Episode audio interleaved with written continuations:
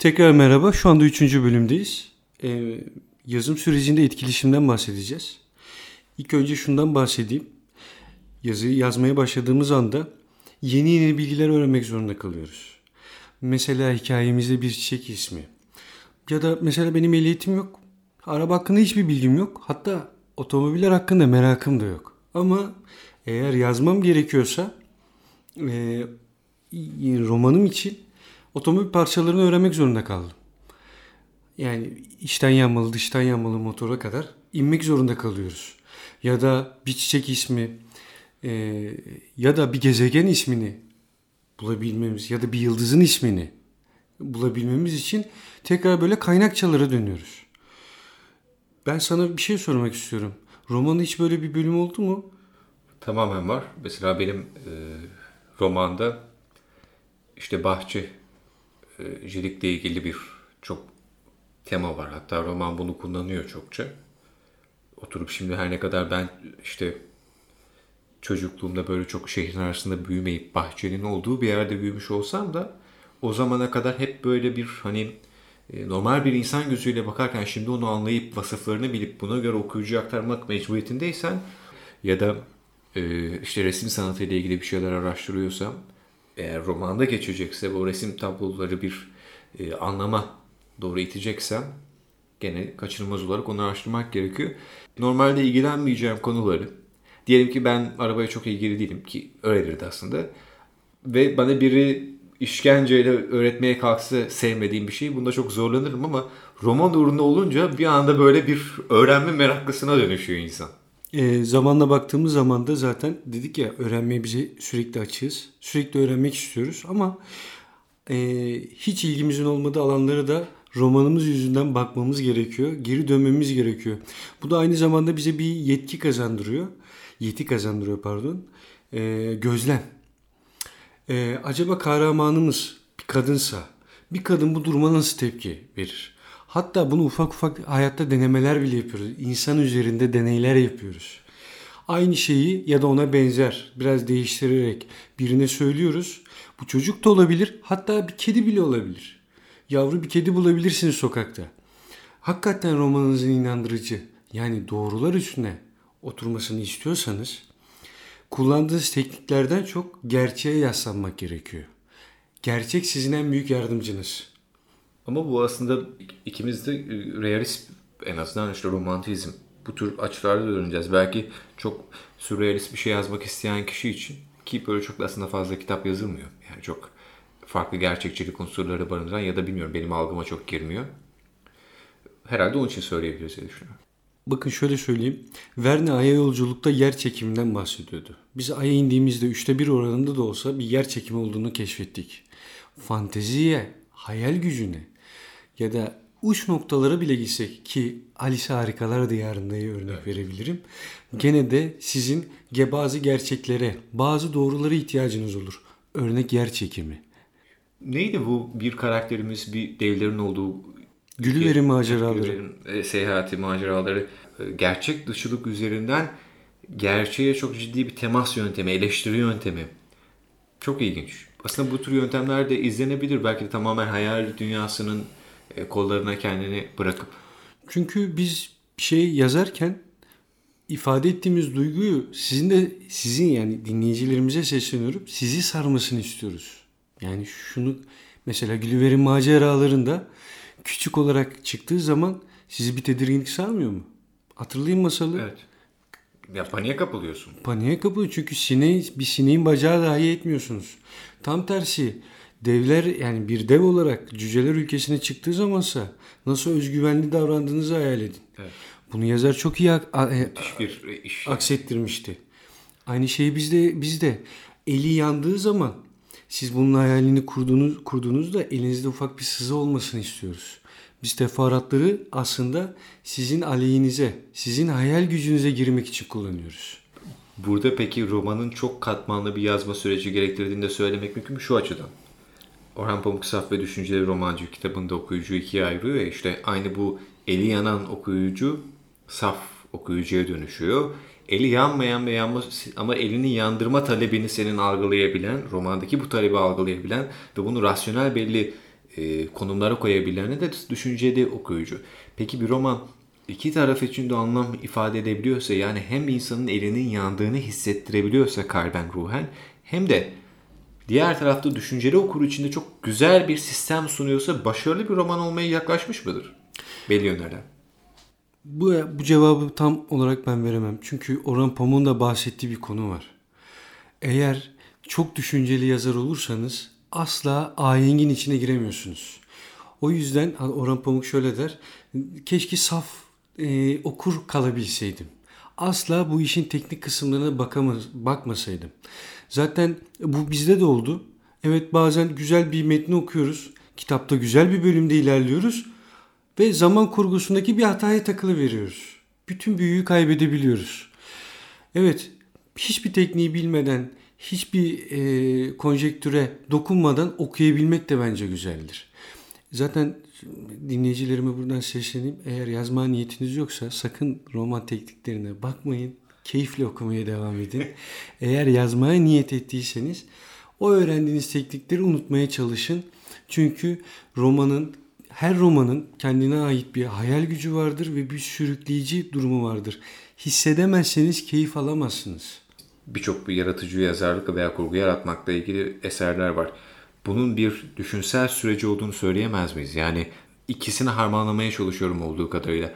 Bir kurgu yarattığımın ve bu kurgunun kendi içerisinde dinamikleri olduğunu çok iyi farkındayım. Sence tamamen safa mı kaymalı yoksa aynı zamanda düşünceli üzerinde durmalı mı? Düşüncenin üstünde de durmalı ama şunu da söyleyeyim. Zaman yani romanı yazarken kullanılan tekniklerden bir tanesi şu. Kahramanlarınızın bir kere iç dünyasını iyi tanıyın. Yani neye kızar, neye öfkelenir ya da e, nasıl tepkiler verir. İkincisi zaman kavramı. Zamanı bir şablon olarak düşünün. İleri veya geri giderken asla birbiriyle çelişmesin. Üçüncüsü bence ki e, en önemlisi hikayedeki kurgular olaylar ve yerlerin geçtiği, e, mekanların geçtiği sayfalar. Bunlar da asla birbiriyle çelişmemeli. Tabii ki bir teknik uygulayacağız ama bunların üstüne serpeceğimiz baharat bizim ruhumuz. Sempatik olmak için söylemiyorum ama e, hayattaki hayattaki birçok şeyden duyguyu aldığınız zaman biz birer makineye dönüşürüz. Makine gibi yazmakta kimse istemez çünkü siz bir fotokopi makinesine dönüşürsünüz. Benim için bir yazar kesinlikle ruhunu işin içine katmalı. Evet tekniği de önemli. Buna çok iyi örnek veririz. Müthiş bir zeka ile yazılmış. Boz Kırkurudu. Evet. Çünkü içinde teknik olarak var ama inanılmaz ruhsal bir yolculuk, inanılmaz bir içsel yolculuğa çıkartıyor. Ve ben okurken kendime sorular sordum o kitabı. O yüzden çok uzun sürede bitti. Normal bir kitap süresinden çok fazla şey yaptım. Bir kitap ya da bir yazar size sorular sorduruyorsa acaba ben ne hissederdim? Ben ne düşünüyorum bu konu hakkında? Yani e, birebir iletişim. Aslında yazarı unutun. Romana sorular soruyorsanız o iyi bir kurgudur. Düşünceli yazar içinde, saf e, saf e, okur içinde. Sen oturdun ve yeni bir eser okumaya karar verdin. İşte okuyorsun. Henrik Böll'ün Paylaşçosunu okuyorsun mesela. Onu okurken artık orada yaşananları düşünceli okur gözünden kaçınılmaz olarak görmeye mi başlıyorsun ki böyle bir tavsiye vermiştin? Yoksa saf okurluğunu halen koruyabiliyor musun? Ne yazık ki o vasfı kaybettim. Saf diyemeyeceğim artık kendime. Hatta bazen 5-6. sayfadan sonra kurgudaki birkaç tane hatayı üst üste görünce kapadığım kitaplar dahi oluyor. Ee, örnek vermeyeyim şimdi. ne yazık ki. Ama şunu şöyle söyleyeyim. Ee, birini rencide etmek. Bakıyorsunuz ki e, Orhan Pamuk'un bir e, metininde okumuştum. Tolstoy'un Anne Karenina'sında bir hata bulabiliyorsunuz. E, başta da söylediğimiz belki de onlardaki gördüğümüz hatalar bize cesaret veriyor. Ya da Dostoyevski'nin uzun anlatımları sizi sıkabiliyor. Evet. Ki ama ben şunu her zaman söylerim. Biz bir şeyin peşindeyiz. Eğer sen arkadaşım yazmaya karar verdiysen bunun bu yolculuğun hedefi altın yumurta dediğimiz bir şey. Senin hiç tanımadığın, senden çok değişik usullerle bir kültürde yetişmiş bir insanın senin romanını açıp okuduğu zaman senin o hislerini anlayabiliyorsa ki buna örnek vereyim. Mesela Dostoyevski'nin Suç ve Cezası. Yani bir Amerikalı içinde suç ve cezadır. O ağırlığı, o hacme sahiptir. Bir, bir Türk, bir Afrikalı da olabilir. Biz aslında Gazap bunun peşindeyiz. de bunu hissedebilirsin. E, Victor Hugo'nun e, hatta Sefiller, Notre Dame'ın kamburun. evet oradaki katedral geçtiğimiz günlerde yandı. maalesef. Küçük bir iş kazasında ve insanların aklına o romanı okuyanların aklına hemen o oradaki karakterler geldi. Onlar ne yaptı acaba? Ben bende böyle bir his uyandırmıştı. Ee, oradaki Çingene güzeli şimdi evsiz kaldı. Esmeralda. Esmeralda evet. Evet öyleydi yanılmıyorsam ismi. Ee, ben ben size şunu söyleyeyim. Eğer ki teknikte tabii ki bunun için kaynak çalar. Tabii ki bunun için yazılmış kitaplar var. Hatta sana misafir olduğumda bir fotoğrafını çektim bir kitabın. Ee, tabii ki faydalanabilirsiniz ama şunu unutmayın. Sizin anlatacağınız değil, sizin anlatacağınız renk, sizin anlatacağınız çiçek. Eğer siz kendi kelimelerinizle bunu anlatabiliyorsanız bu en edebiyatın en kutsal tekniğidir. Mesela e, en son dönemlerde okuduğum hani dedim ya bazen belli yazarlara denk geliyoruz ve onlar bizim e, yazım sürecimizdeki üslubumuzu, anlatımımızı çok değiştirebiliyor. Sözgerim Dino Buzzatti'nin Tatar adında bir eseri var. Ve onu okuduktan sonrasında uzun zamandır bir romandan o kadar etkilendiğimi duyumsamamışım. Oradaki çok yalın bir anlatım. İnsanoğlunun işte sürekli olarak e, kendini tekrar edişini ve o konfor alanından çıkamayıp yaşamın tek düzey içerisinde kaybolup gidişini belki anlatıyor diyebiliriz. Belki Karavan'daki kütüphanede gelecek dönemde yer alabilir ki almasını istiyorum. Bu tür eserlerin etkileşim bakımından hem büyük eserlerin hem farklı eserlerin e, yazma sürecindeki bireyler için çok etkili olabileceğini düşünüyorum. Peki e, yazım e, sürecinde sayfa sayısı diye bir gerçek var. Bu konuda bir bilinçli mi gidiyorsun yoksa ne kadar uzun olursa veya ne kadar kısa olursa olsun bir önemi yok mu? Hayır, iyi bir yani e, e, okur edebiyat okuru olduğum için şunu da yani çok teferruatlandırırsam karşı tarafı sıkacağımı da biliyorum. Ama özümseyecek kadar yani sizi hayal dünyama çekecek kadar da evet yazıyorum. Ve bunda sayfa e, sayısının için bir planlama yaparsınız ama o bir de şöyle bir şey söyleyeyim size. Herkesin bir sayfa yazma kapasitesi vardır. Kimisi 10 sayfa yazar, kimisi 50 sayfa.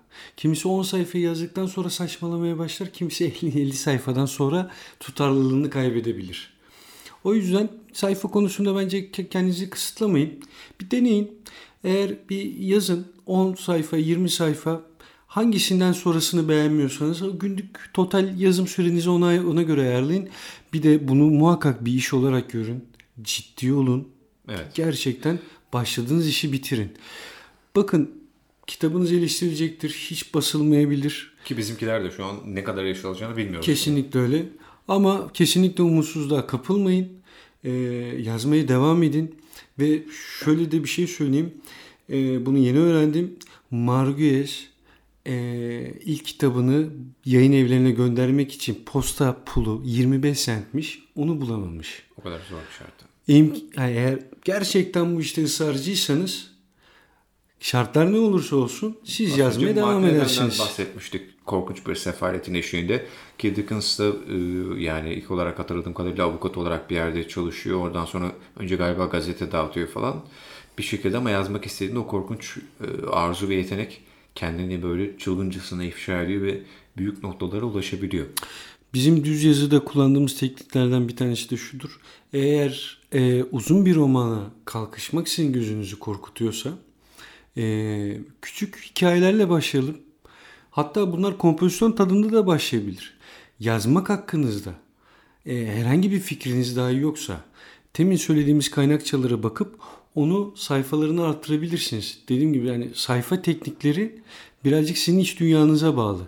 Eğer yazdığınız kısa hikayeler sizi tatmin etmiyor, e, şey yapmıyorsa bu kaynakçalardan yapılan e, mesela şöyle bir örnek vardı. İlyada Destanı. Eski bir Yunan efsanesi. Orada e, kahramanın yola çıkışı, insanlarla tanışı, maceranın içine girişi, maceranın sonlanması ve eve geri dönüş diye kısaca özetlenebilir. Bu tekniklere bakıp kendinize yani temin de bir örnek daha vermiştim bir önceki bölümde e, empati. Empatinizi geliştirmek için dediğim gibi bir kuş olduğunuzu hayal edebilirsiniz. Oraya gördüklerinizi yazabilirsiniz. Daha sonra o yazdığınıza zaman eki koyabilirsiniz. Daha sonra eğer e, bu sizi tatmin etmedi, elinizdeki metin hala olgunlaşmadıysa buna bir kurgu katabilirsiniz. Mesela kartal bir avcıyla karşılaşabilir. Ben kuş demiştim ama demek kartal olarak hayal etmişim kendimi. Birden kartal olarak canlandım. Ya da bir avın peşine düşebilir. Bir macera kurgusu da ekleyebilirsiniz. Daha fazla eğer teknik bilgiye ulaşmak istiyorsanız temin de bahsettik. Orhan Pamuk'un Saf ve Düşünceli e, Okur e, diye bir kitabı var. Onu şiddetle tavsiye ederim. Size net bir şekilde Birçok böyle kaynak var, birçok yazar Evet var. evet. Ee, Yani ilk aklıma geldiği için bunu söyledim. Belki de ya- yani şey başarılı bir yazarın buna bakış açısı aslında Ben olabilir. çok önemli bir şey söyleyecektim de unuturdum. Ya benim işte hafıza işte isimlerle ilgili e, e, zor bir soru soracaktım da Hakan'a. Maalesef kaçırdım bu şansı demek istiyorum ama devam edelim birazcık daha bölüm için zamanımız var. Ee, peki romanı konusunu tespit ettin, anlatacağın hikaye kafanda canlandığında romanın sonunu ve başını tespit ediyor musun? Veya romanı yazarken sence en mantıklı yazma yöntemi ortadan veya istediğin yerden girişip bir yazma onları bir araya getirme mi puzzle misal yoksa daha en baştan düzgün bir şekilde başlayıp o e, kronolojik kurgudaki sırayla beraber gitmek mi? Size şöyle bir şey söyleyeyim. Bu çok e, karışık bir teknik. E, başlayıp sonuna gitmek. Şu modern yazarlarda en çok şunu gördük. E, sonunu tahmin ettirmeme. Ya da sonunu başında verme. Kurguyu alt üst edip okuyucuyu maceranın içine daha fazla sürükleme. E, bu teknik eğer şey olursa ben yazmadan önce tabii ki kurgumu hazırladım. Tabii ki kurgum baştan sona değil. Sonunu daha iyi hazırladım. Yani ilk giriş sayfası ve son sayfasını hazırladım. Geri, giriş, gelişme, sonuç tıpkı kompozisyonda olduğu gibi hazırladım. Ve kurgu içeride tabii ki geçmişe yolculuklarda içeriyor. Tamamen ileri giden bir zaman çizgim yok. Benim, tavsiyem eğer bu teknikleri yani bu e, okuyucu fazla sıkmadan yapmak istiyorsanız ilk önce sonunu yazın. Hikayenizin bir ana taslağı vardır. Zaten arkadaşlarınıza bunu anlatın, paylaşın ve romanın sonunu da söyleyin. Romanda kahramanın Bazıları ölmesini... duymak istemiyor mu? Sonunu söyleme bana diyor. Çok anlatınca Evet, baştan böyle. ne yazık ki öyle ama şöyle söyleyeyim eğer çok yakınızda olursa mesela ben evliyim bunu eşimle konuşabiliyorum o duymak istiyor. Merak ediyorum. Çünkü hikayeyi böyle ha, bu durumu da ben kimden öğrendim ee, söylemeden geçemeyeceğim çünkü çocukluğumdan beri hayranlık duyuyorum Alexander Dumas'tan. Tamam. Alexander Dumas bu hikayelerini yazmadan önce tanıştığı yeni han- hanımefendileri anlatırmış ve bütün gece yanı başından ayrılmasına mani olurmuş. Bu bir ama şey taktiği yani şimdi bu masın çapkınlık taktiği denilebilir. Ama şöyle de bir şey söyleyeyim. Bakın Alexander Dumas da benim gibi kadınlara güveniyor. Hikayelerini ilk önce onlara anlatıyor. Ya sadece şey değil diyorsun. Bunun aslında bir e, teorik yöntemi de var. Ya eğer bayansanız zaten siz bu yetiye sahipsiniz. Doğanın bahsi. Ama e- eğer bizim Pozitif gibi ayrıcılığınıza karşı çıkıyor. eğer bizim gibi erkekseniz e, muhakkak gerçekten bunu samimiyetimle söylüyorum. E, konuştuğunuz kişi çok kitap okuyan biri olmayabilir. E, bu konularla çok bir bilgisi olmaması zaten bizim avantajımız. Bence de kesinlikle. Yani çünkü dediğim gibi saf okur gibi bakması bizim için daha iyi. Bir bayana bu hikayeyi anlatın ki masanın e, yere basmayan ayağını size hemen söylesin. Ben bunu sadece hani kadınlar gözünden değil de açıkçası yaşamda çok farklı konumlara sahip olmuş hangi cinsiyetten olursa olsun insanlara açıklamanın kendi tecrübeleriyle e, açıklamalarında yani daha doğrusu yorumlamalarının çok etkili olabileceğini düşünüyorum. Bu yüzden bence romanı en azından bitirdikten veya taslak sürecindeyken belki hikaye de yazılabilir işte eserinizi farklı insanlar olabildiğince yakalayın ve onların e, yorumlarını isteyin. Evet herkes çok fazla ilgili olmayabilir. Çok fazla şey yapamayabilir. Bu hevesinizi kırmasın. Yani Ben Hakan sana bir soru sormak istiyorum. Bunu hakikaten de merak ediyorum. Fikrini duymak istiyorum. Ayrıca arkadaşlarıma da bu sorunun yardımcı olacağını düşünüyorum.